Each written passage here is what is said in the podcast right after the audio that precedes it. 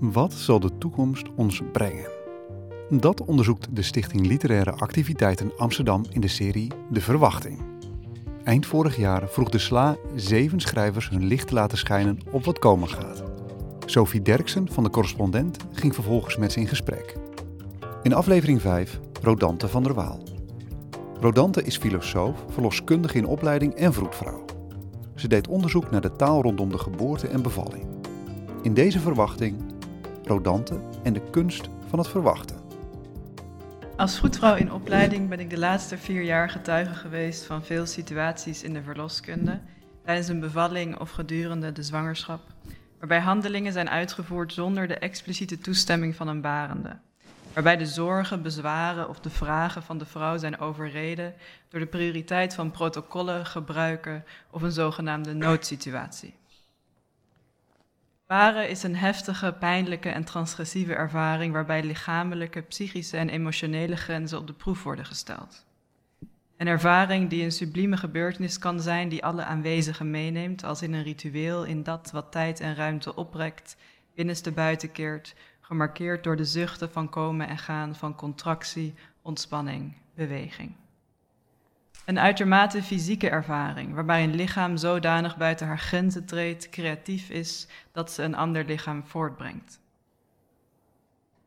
Dit natuurgeweld brengt ook kwetsbaarheid met zich mee. Een kwetsbaarheid waarin barenden soms niet meer in staat zijn om voor zichzelf op te komen, waarin zij continu geacht worden om zichzelf te vergeten, omdat het allemaal, en voor hen nog het meeste, om de gezonde aankomst van een kind gaat. Het natuurgeweld van een bevalling is beangstigend en vaak onvoorspelbaar. Niet alleen vrouwen, maar ook vroedvrouwen en artsen worden bang, handelen uit herinnering aan die keer toen er iets is misgegaan en hebben de neiging om in de angstige focus op een gezond kind het natuurgeweld van de baring met eigen, vaak onbedoeld geweld te beantwoorden in een poging om de natuur met beheersing, met controle, met een list hier en daar te slim af te zijn om het kind in hun greep te krijgen en het niet over te laten aan dat wat artsen en vroedvrouwen ervaren als zijnde buiten hun macht. Dit kan leiden tot het schaden van autonomie en waardigheid van de vrouw tijdens de bevalling, omdat dit niet altijd in overleg met haar gebeurt. En zij in dit proces geïdentificeerd wordt als de onveilige plaats van de baring, waardoor zij met de natuur mede gecontroleerd wordt. Dit kan uitmonden in het gevoel van een totaal verlies aan controle en zeggenschap over het eigen lichaam. Een van de voornaamste oorzaken van posttraumatische stresssymptomen na de bevalling, waar, dit wordt steeds bekender, veel vrouwen onder lijden. En dat is een moeilijk begin van ouderschap. Bovenop de rest van de kwetsbaarheid, bovenop de existentiële en lichamelijke verandering van zijn, bovenop al het voeden, de gebroken nachten en de nieuw gewonnen verantwoordelijkheid. Ik denk dat een deel van het probleem is dat we zwangerschap, baren en vroeg ouderschap niet alleen medisch niet goed genoeg begrijpen, maar er ook filosofisch niet diepgaand over na hebben gedacht. Een gebrek aan denken heeft een effectieve werking op de realiteit, omdat het een gebrek aan verschillende en veelvuldige betekenissen over een bepaalde toestand in stand houdt en daarmee die toestand als zodanig kwetsbaar maakt voor invulling, zonder tegenwicht te kunnen bieden, door medische autoriteiten enerzijds en door sterk ideologische representaties van zwangerschap en moederschap anderzijds. Terwijl er veel is nagedacht binnen de filosofie over de dood en de sterfelijkheid en ook steeds meer over nataliteit of geboortelijkheid, is er haast niet nagedacht over wat het betekent om die nataliteit te verwachten. Wat betekent niet alleen de sterfelijkheid voor het bestaan, niet alleen de nataliteit, het geboren zijn voor de mens, maar ook haar vruchtbaarheid, haar mogelijkheid om een ander mens op de wereld te zetten. Waar hebben we dan precies mee te maken? Wat is zwanger zijn als het zich ontfermende lichaam over een wordend mens? Wat behelst de transformatie van leven tijdens vroegmoederschap op een existentieel niveau? Wat is het twee in één van zwangerschap? Wat is de koestering van het zelf over een extreem afhankelijke ander die het ritme van alle oude tijd verstoort, overneemt en er verwachting van maakt. Maggie Nelson schrijft in haar boek The Argonauts over zwangerschap en vroegouderschap: Why did nobody tell me that it would be like this? Ik denk omdat wij eigenlijk op een rationeel, filosofisch, vertellend niveau niet weten hoe het is. Lily Gurton Wachter vraagt: How will having a baby disrupt my sense of who I am, of my body, my understanding of life and death, my relation to the world and my sense of independence, my experience of fear and hope and time, and the structure of my experience altogether? En Toni Morrison sluit haar laatste roman af met een zwangerschap met de woorden: Listen to me. You are about to find out what it takes, how the world is, how it works, and how it changes. Good luck and God help the child. Veel van de veranderingen die worden beschreven door moeders hebben te maken met een ander gevoel van tijd en ruimte, een andere ervaring van zelf en wereld. Tijd, ruimte, zelf en wereld zijn allemaal pijlers van de structuur van onze ervaring van bestaan. Een andere relationele dispositie van zelf en ander wordt ontwikkeld tijdens het geboortejaar. Een andere relatie met de wereld, een andere ruimtelijke ervaring met het lichaam en een andere temporaliteit die niet als individualiteit gestructureerd wordt door de sterfelijkheid, door het bewustzijn van de onontkoombaarheid van de eigen dood, maar in plaats daarvan gestructureerd wordt door de onontkoombaarheid van de geboorte van een ander. Individualiteit wordt zo pluraliteit. Een kind, voor of na geboorte, is dus geen attribuut van bestaan, geen zijn plus één dat zonder kleerscheuren uit zijn kokon ter wereld moet komen, maar iets dat het zijn waarin het verwacht wordt diepgaand verandert. De filosofische uitdaging is om de normale kaders van individualiteit te doorbreken en zwangerschap, baren en vroegmoederschap te vatten in haar specifieke pluraliteit van bestaan. Om niet meer te denken in enkelvoudige termen als zijn en worden over deze gebeurtenis, maar op een manier die de meervoudigheid, het twee in één zijn van deze periode direct vat. Mijn voorstel is om dat te doen als verwachten. Verwachten benadrukt het perspectief van diegene die verwacht, toont de radicale verandering van zijn, van zijn en worden naar verwachten, en benadrukt daarin de specifieke pluraliteit en de relationaliteit van het verwachten. Zonder iets dat verwacht wordt, geen verwachting.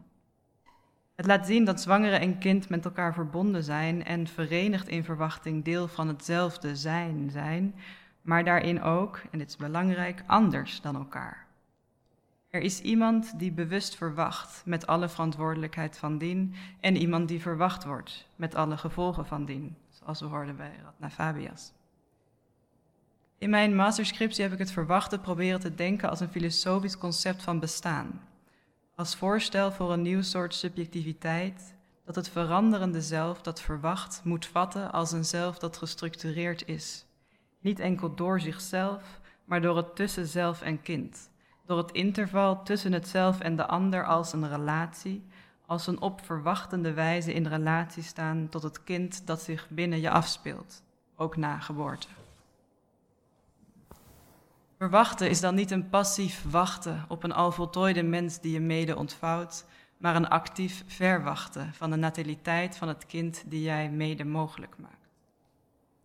Pas als we dit veranderende bestaan van hen die verwachten serieus nemen, kunnen we hen waardig begeleiden als voetvrouw.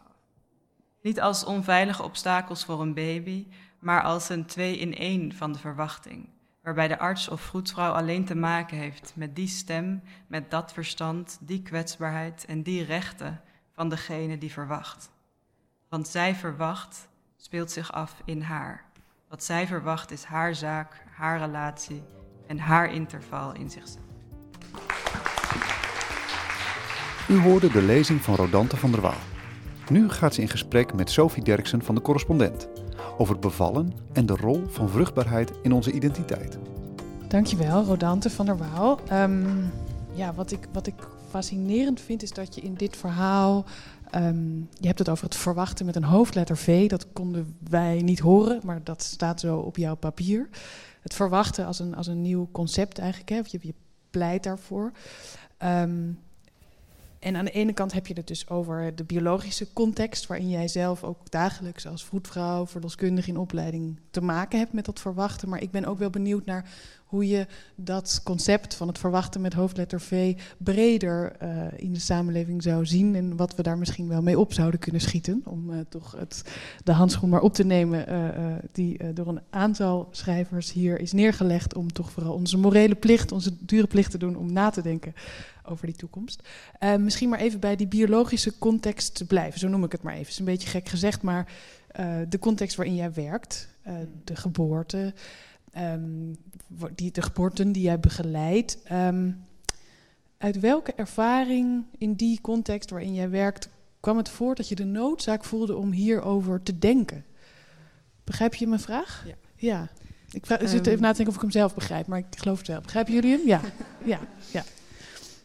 Um, ja, eigenlijk vanuit. Ik, ik studeerde eerst filosofie en toen verloskunde. En vanuit een uh, heel uh, heftige schrik van hoe dat er allemaal aan toe gaat.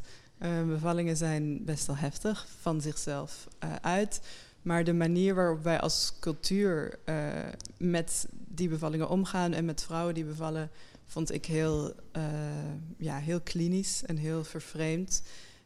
Um, ja, en, en dat heeft nou ja, veel gevolgen voor de ervaring van vrouwen van bevallingen en daarna.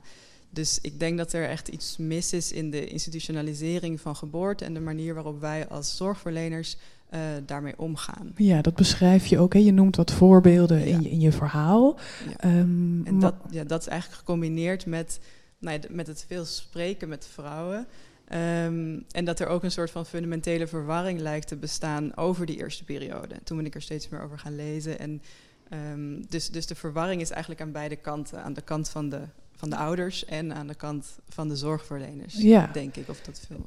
En misschien maar eventjes bij die zorgverleners te blijven. Hoe zou het denken hierover in, in die praktische context van de zorgverleners daarvoor handvatten kunnen bieden? Als in moet ik me Hmm. voorstellen dat, dat jij graag zou zien dat dokters en zusters en vroedvrouwen daar meer filosofisch gesprekken over voeren? Of, of hoe. eh, Ja. Dat, ja, is, is dat wat je je voorstelt? Of hoe? Nou ja, dat zou natuurlijk eh, fantastisch zijn. Maar ehm, ik weet niet of dat nu 1, 2, 3 haalbaar is. Maar ik denk dat, dat ons mensbeeld, of, of ons beeld van de mens als individualiteit, waarin dan een baby aanhangt of inzit, die eigenlijk nou ja, zo veilig mogelijk geboren moet, laat, moet worden, dat dat schadelijk is, gewoon in heel letterlijke zin, ja, voor degene die baart.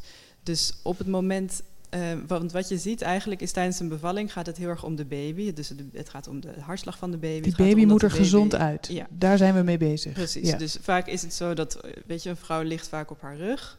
Dan staan de zorgverleners, die staan allemaal bij waar de baby eruit komt. En het hoofd van de moeder ligt ergens hier. Ja, En op dat moment denk ik dat er echt een, ehm, nou ja, een soort van filosofische onmogelijkheid is om twee mensen of twee wezens tegelijk te denken, waarop alle, waarom alle aandacht naar de een gaat en eigenlijk de moeder een soort dialectisch ehm, naar de achtergrond verdwijnt, naarmate de aanwezigheid van het kind groter wordt. Hmm. ja dat, dat volg ik hoor. Ik, zeker, ik begrijp het. Ik zit alleen.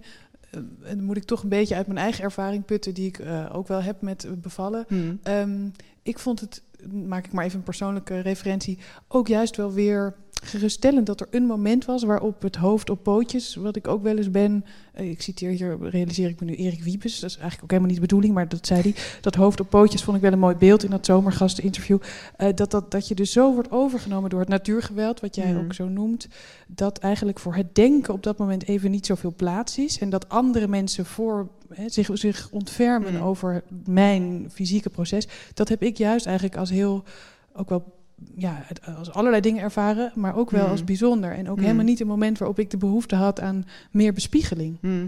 Nee, ik denk ook natuurlijk dat is heel mooi dat je dat zo hebt ervaren en dat dat tijdens een bevalling inderdaad niet de bedoeling is om daarover te praten, maar het feit dat je dat zo hebt kunnen ervaren betekent dat er wel veel goed is gegaan. Want het is ook vaak zo dat juist doordat er geen communicatie meer is met de moeder die zich heel erg alleen gelaten voelt en zich juist niet over kan geven Hmm. daarom aan dat natuurgeweld en eigenlijk te veel in haar hoofd blijft, omdat er te veel dingen gebeuren.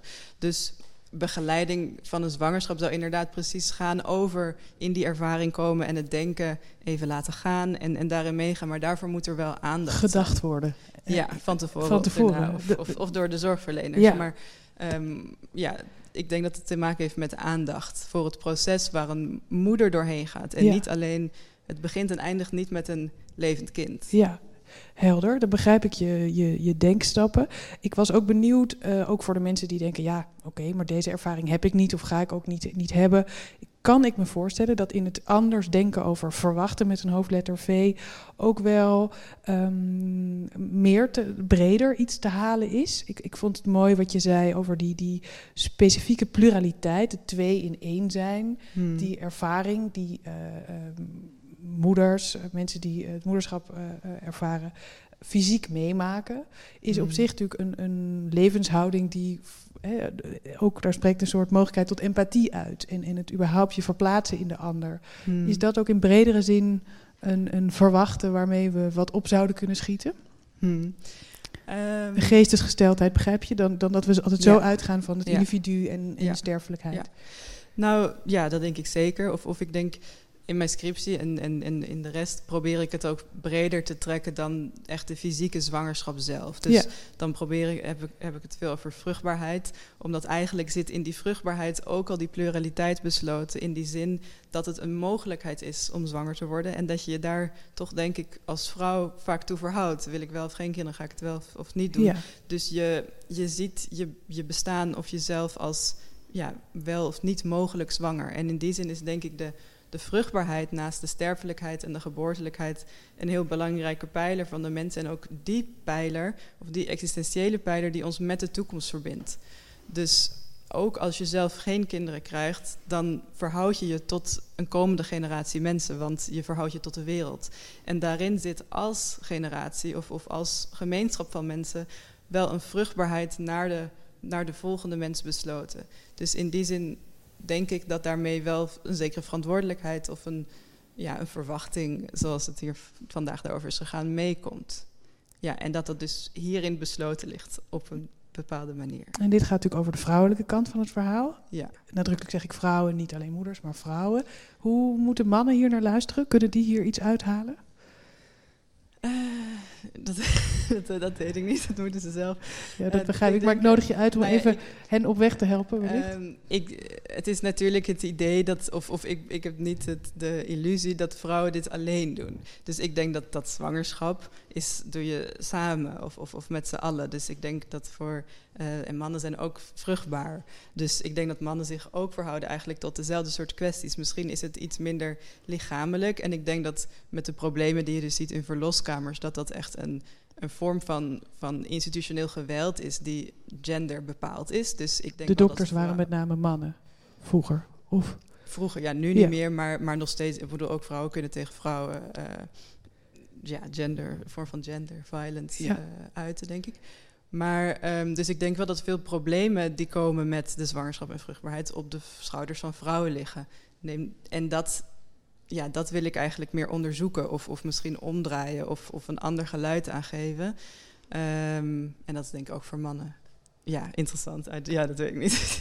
Nou ja, uh, maar in principe doe je dat als mensen samen. Ja, ja, zeker. En het concept van, van vruchtbaarheid in de zin van nadenken over wie en, en wat er na ons komt. Uh, daartoe hoop jij ook een, eh, een aanzet uh, te ja. geven met jouw werk. Ja. Um, dank. Ik denk dat dat een mooie stichtelijke gedachte is om, om het voor vandaag bij te laten. Dank. Dit was het vijfde deel van De Verwachting. Een reeks lezingen en gesprekken opgenomen op het Brainwash Festival in de Agnietenkapel te Amsterdam. Met hartelijke dank aan Rodante van der Waal en Sophie Derksen.